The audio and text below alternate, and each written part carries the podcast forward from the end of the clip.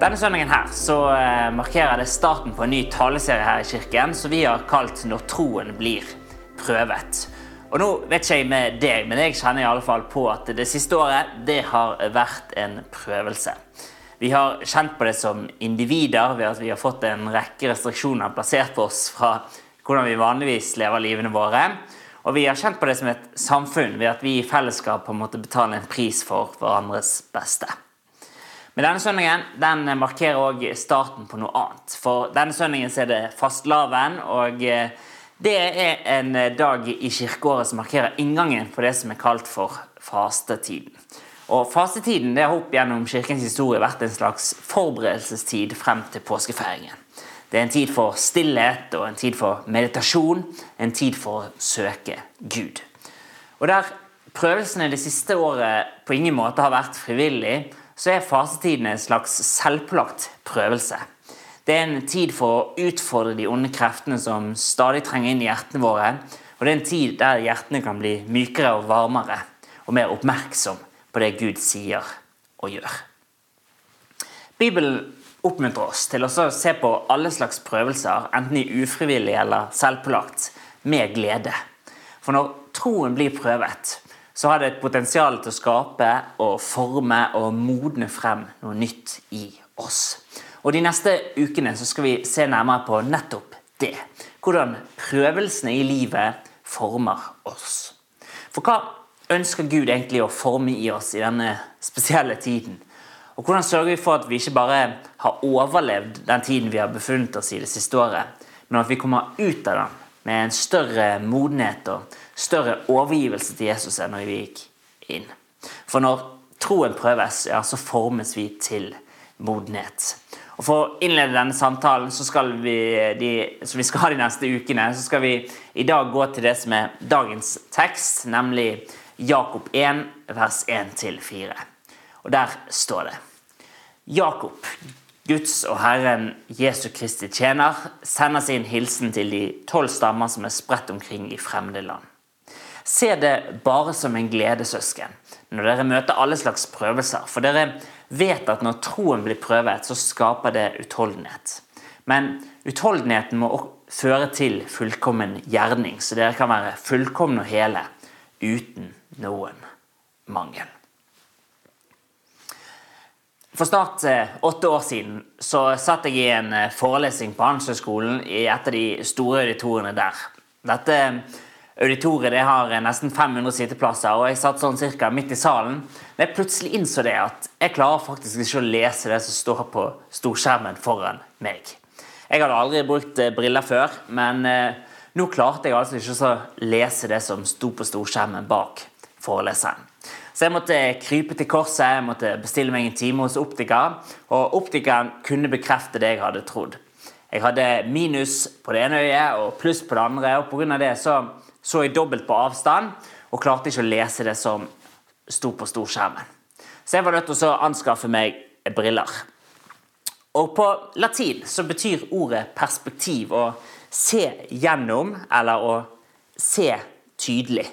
Og på samme måte som jeg trenger briller for å se tydelig, så trenger vi perspektiv for å kunne orientere oss i virkeligheten sånn som virkeligheten faktisk er. I dag så leser vi fra Jakobs brev. Brevet det er etter all sannsynlighet skrevet av Jesus sin bror Jakob, som var en av de sentrale lederne for menigheten i Jerusalem. Og Han sender altså nå sin hilsen i brevform til de tolv stammer som er spredt omkring i fremmede land, som det står. I apostlenes gjerninger, som er Bibelens beretning om den første kirke, så kan vi lese i kapittel 8 at det bryter ut forfølgelse mot de kristne i Jerusalem etter drapet på Stefanus. Og Som følge av det så blir de spredt omkring i Judea og Samaria. Og Når vi kommer til kapittel 11 i Apostelens gjerninger, så kan vi se at disse kristne de har begynt å spre seg omkring i flere områder rundt Middelhavet. Og de forkynner evangeliet, og mange mennesker kommer til tro. Og Nå skriver altså Jakob til disse kristne fordi de ufrivillig ikke lenger kan være sammen sånn som de ønsker. De møter mange slags prøvelser, og ting tyder på at de er ikke glad for det i det hele tatt.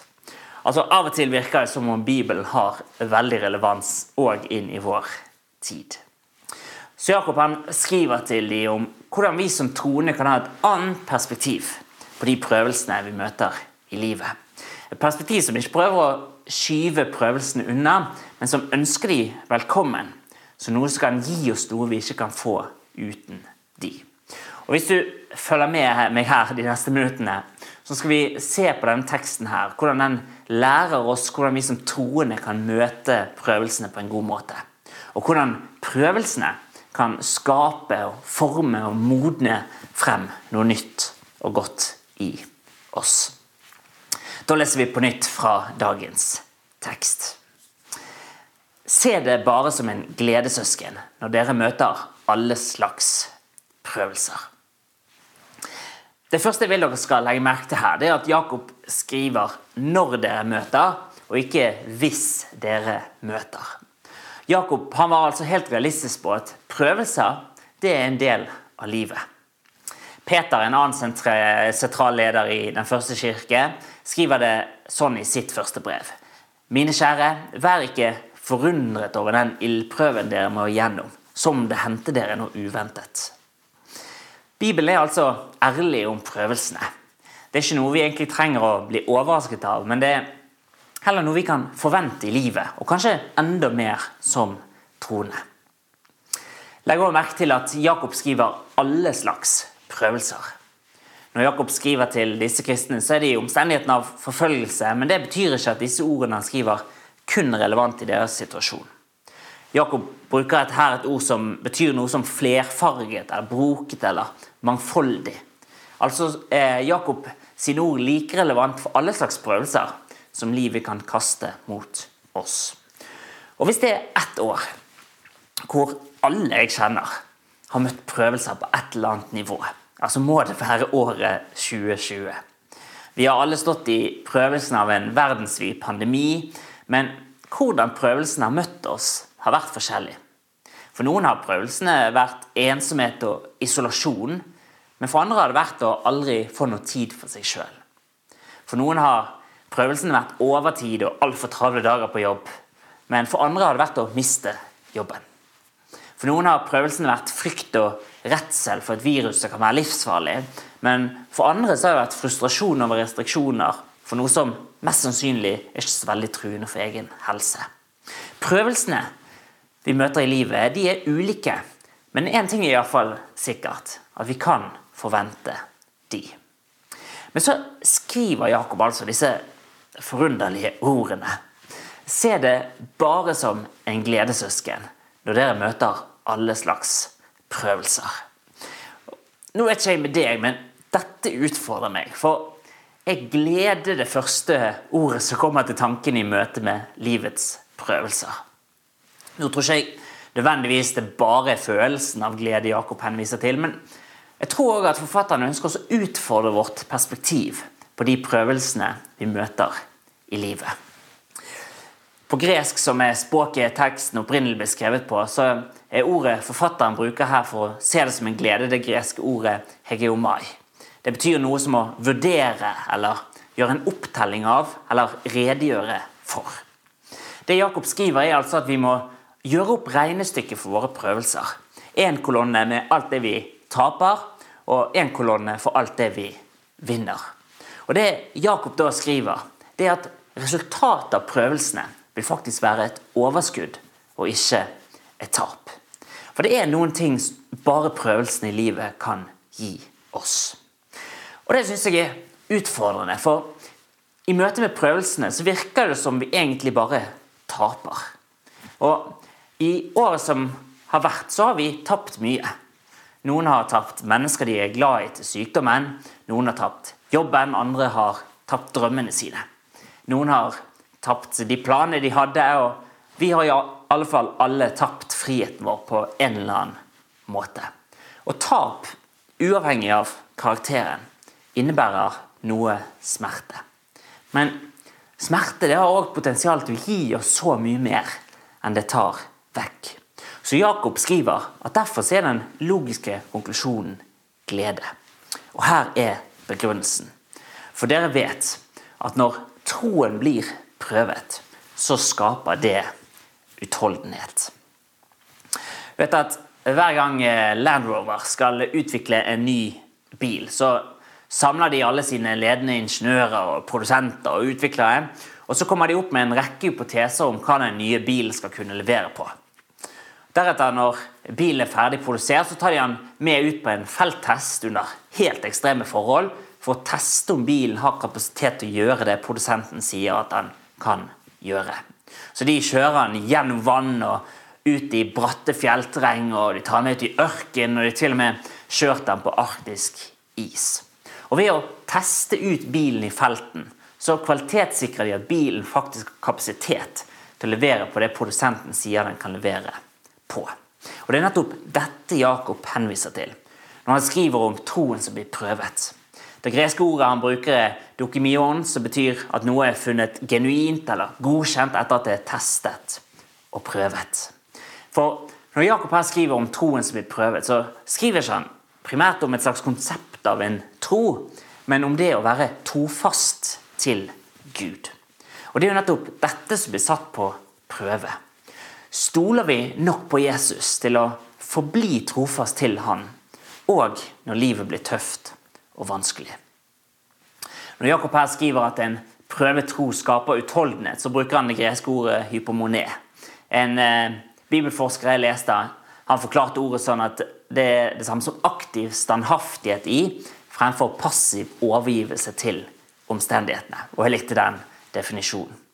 Det er det samme ordet Jakob bruker når han i kapittel 5 vers 1 skriver om denne mannen Jobb. Han skriver det Ja, dem som holder ut, priser vi salige. Dere har hørt om hvordan Jobb holdt ut, der er det ordet hypomoné. og har sett hvordan Herren lot ende. For Herren er rik på medlidenhet og barmhjertighet. Og Historien om Jobb det er en fascinerende historie. Du finner den i Det gamle testamentet i Bibelen i en bok som heter Jobbs bok. Og Jobb han var en mann som på mange måter gjorde alt det gode som han trodde Gud krevde av ham. Han var gavmild mot fattige, han var en aktet samfunnsborger, og han var en kjærlig far som til og med ofret brennoffer kan vi lese, for barna sine i tilfelle de hadde syndet uten å vite det. Og I kapittel 1 kan vi lese at Gud sier om Jobb at på jorden finnes det ingen som han. En from og rettskaffen mann som frykter Gud og unngår alt ondt. Men så får historien om Jobb en brå vending.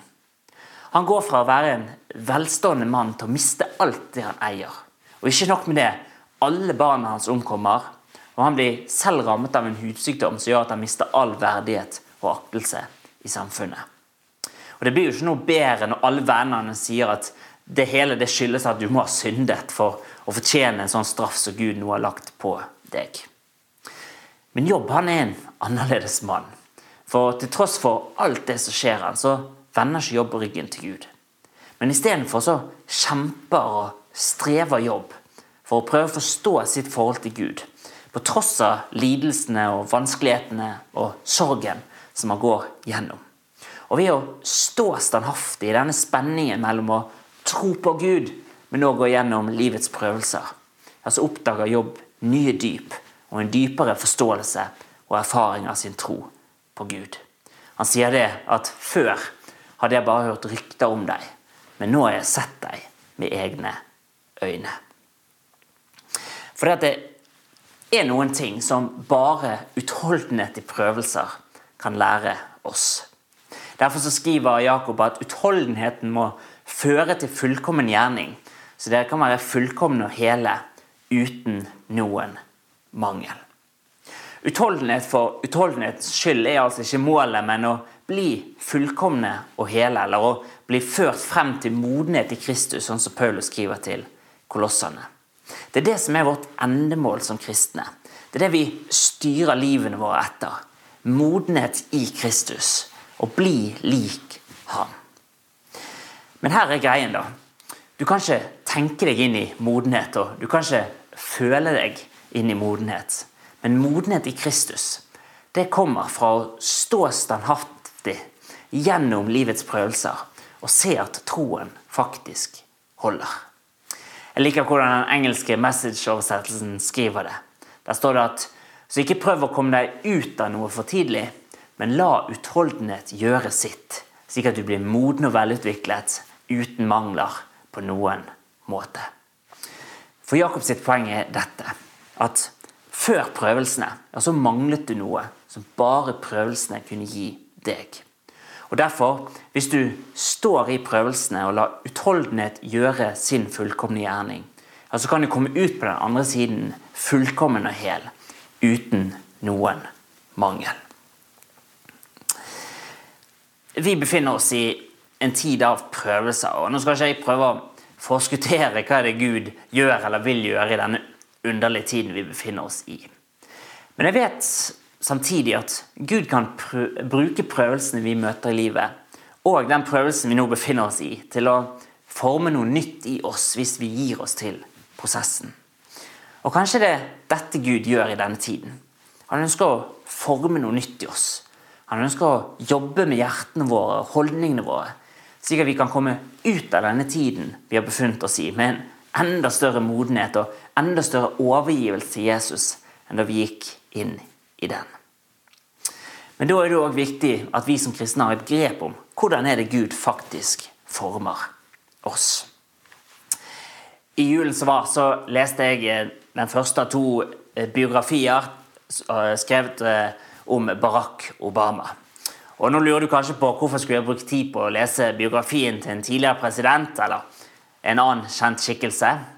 Jo, fordi at når vi leser biografier, så lærer vi noe om deres livshistorier for å bli inspirert eller kanskje influert av livene de har levd. Men vi leser jo òg biografiene for å bli som de, eller muligens òg å unngå å bli sånn som de. Vi vil etterligne suksessene deres eller unngå feilene de har gjort. Og når vi leser om de, så søker vi òg å bedre forstå oss sjøl. Og ved å lese deres historie så prøver vi å gi mening til vår egen. Og Biografier er full av nettopp historier. For det at Hvis vi vil etterligne, eller kanskje unngå livet til f.eks. Barack Obama, ja, så må vi ikke bare se på hva han sa eller gjorde, men vi må se på hvordan han levde i det daglige livet. Og Hvis vi er smart, ja, så gjør, vi deres vaner til våre vaner, deres rutiner til våre rutiner, og deres verdier til våre verdier. Med den tanken om at det vil fostre et lignende resultat i eget liv. Så hvis president Obama gikk på det universitetet, ja, så går du på det samme. Og Hvis han leste en time om dagen, ja, så leser du en time om dagen. Og Hvis han ikke spiser frokost, så spiser ikke du frokost. Og Hvis han tok en powernap hver dag klokken fire, ja, så gjør du det samme. Og Ved å kopiere alle disse detaljene i deres daglige liv, så vil den kumulative effekten av disse små, tilsynelatende ubetydelige detaljene kulminerer i et lignende liv. Det meste vi vet om Jesus, kommer fra de fire evangeliene. Og De fire evangeliene de er for det meste historier. Noe som kanskje er litt rart, siden Jesus var en lærer. Alle evangeliene inneholder noe undervisning, men hovedparten av evangeliene er faktisk historier. Noe som betyr at evangeliene er i sin essens biografier. Men her er jo det litt spesielle. At veldig få etterfølgere av Jesus leser evangeliene på den måten. Vi leser det kanskje som inspirerende vers eller en utfordrende undervisning. Noe som ikke er galt i seg sjøl, men det gjør samtidig at vi mister noe av poenget. For disse historiene om alle disse detaljene i Jesus sitt liv, det har like mye å lære oss om Guds rike som hans undervisning eller mirakler.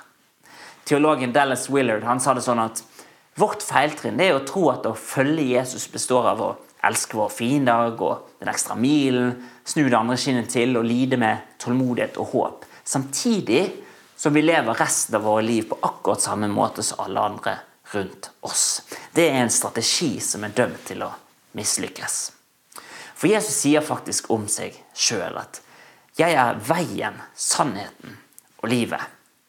Og Kanskje har vi i den vestlige kirke vært veldig flinke til å snakke om sannheten men ikke like flinke til å snakke om denne veien som leder til det livet Jesus tilbyr. For hvis du vil erfare Jesu liv, ja, så må du òg adoptere hans livsstil.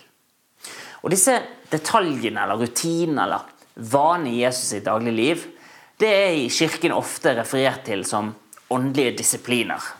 Og nå vet ikke jeg hvilke assosiasjoner du får når du hører de ordene. Noen tenker at åndelig betyr at det er bare immaterielt, og det stemmer jo ikke i det hele tatt. Og disiplin det har jo for de fleste i en senmoderne kontekst ikke bare positive konnotasjoner. Men uansett hva du velger å kalle de, så er disse åndelige disiplinene eller vanene eller praksisene det er hvordan vi faktisk følger Jesus i hverdagen. Det er hvordan vi adopterer hans livsstil. Det er hvordan vi skaper rom for det livet Jesus inviterer oss til. Og som alle vaner så er de bare et middel mot et mål. Tenk på en rosehage. Hvis du vil at rosene skal vokse seg store og sterke, ja, så må du bygge et espalier eller oppbinding i bakkant som rosene kan vokse seg rette langs. Espalier er ikke målet i seg sjøl, men det er bare et middel og en struktur som tilrettelegger for vekst. Og På samme måte så er det med de åndelige disiplinene. Bønn, bibellesing, det å være stille, sabbat. De skaper en slags struktur for det livet Jesus inviterer oss til. Men her er det interessante som jeg vil avslutte med i dag. og det er det at Jesus han kommanderer deg aldri til å stå tidlig oppe om morgenen for å be og være stillhet, eller lese Bibelen din, eller praktisere sabbat. Istedenfor så bare gjør han disse praksisene, og så sier han til deg og meg følg meg. For Jesus sitt lederskap det handler ikke om tvang eller kontroll, men det handler om et eksempel, og det handler om en invitasjon. Og I de neste ukene, gjennom disse søndagene i fastetiden, så skal vi dykke dypere i dette temaet og hvordan prøvelsene former vår tro. Men mer spesifikt så skal vi se på hvordan kan vi leve annerledes i disse prøvelsene. Og Da skal vi ta og børste støv av noen gode, gamle åndelige disipliner. Vi skal snakke om stillhet, om nøysomhet, om å meditere på Guds ord, om sabbat og om tjeneste. For Jesus sin invitasjon til deg og meg, det er å gå på veien. Og når vi går på den veien, så oppdager vi mer av sannheten. Og når vi oppdager mer av sannheten, ja, så oppdager vi det virkelige livet. Så må du, Jesus, skape noe nytt i oss de neste ukene. Det ber vi om i ditt navn. Amen.